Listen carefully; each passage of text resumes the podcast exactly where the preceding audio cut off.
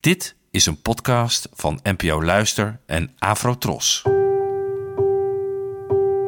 Poëzie vandaag. Met Ellen Dekwits.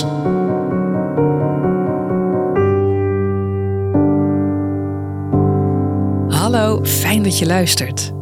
Het gedicht van vandaag heet Hoewel zacht en werd geschreven door de Nederlandse dichter en schrijver Tommy Wieringa, geboren in 1967. Hoewel zacht. Je krijgt geen toegang tot de oester door te dreigen met verdwijnen of een kus. Zij is gebouwd op hard en bitter zwijgen.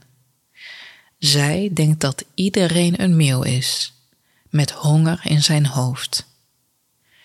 Maar ik ben geen meeuw. Ik ben een bijl. Dit gedicht sloeg, toen ik het uh, voor het eerst las, in als een bom. Wat is hier aan de hand? Een oester zit potdicht.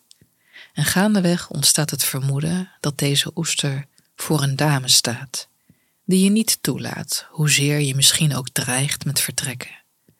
Het is een dame die ook geen zin heeft in een kus, iemand die tegen hard en bitter zwijgen kan, die zo ongeveer resistent is voor de silence treatment.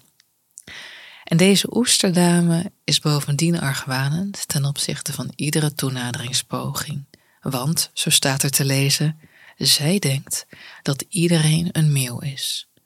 Een grijpgrage brutale vogel met bovendien honger in zijn hoofd, dus klemt ze haar kleppen opeen. Maar dan komt er op het laatst dus een ander personage naar voren.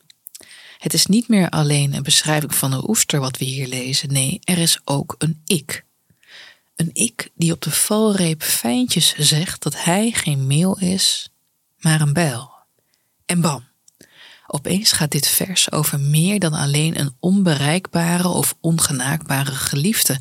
Er ontstaat een dreiging, een suggestie van geweld. Gaat iemand de oester letterlijk openbreken? Of figuurlijk?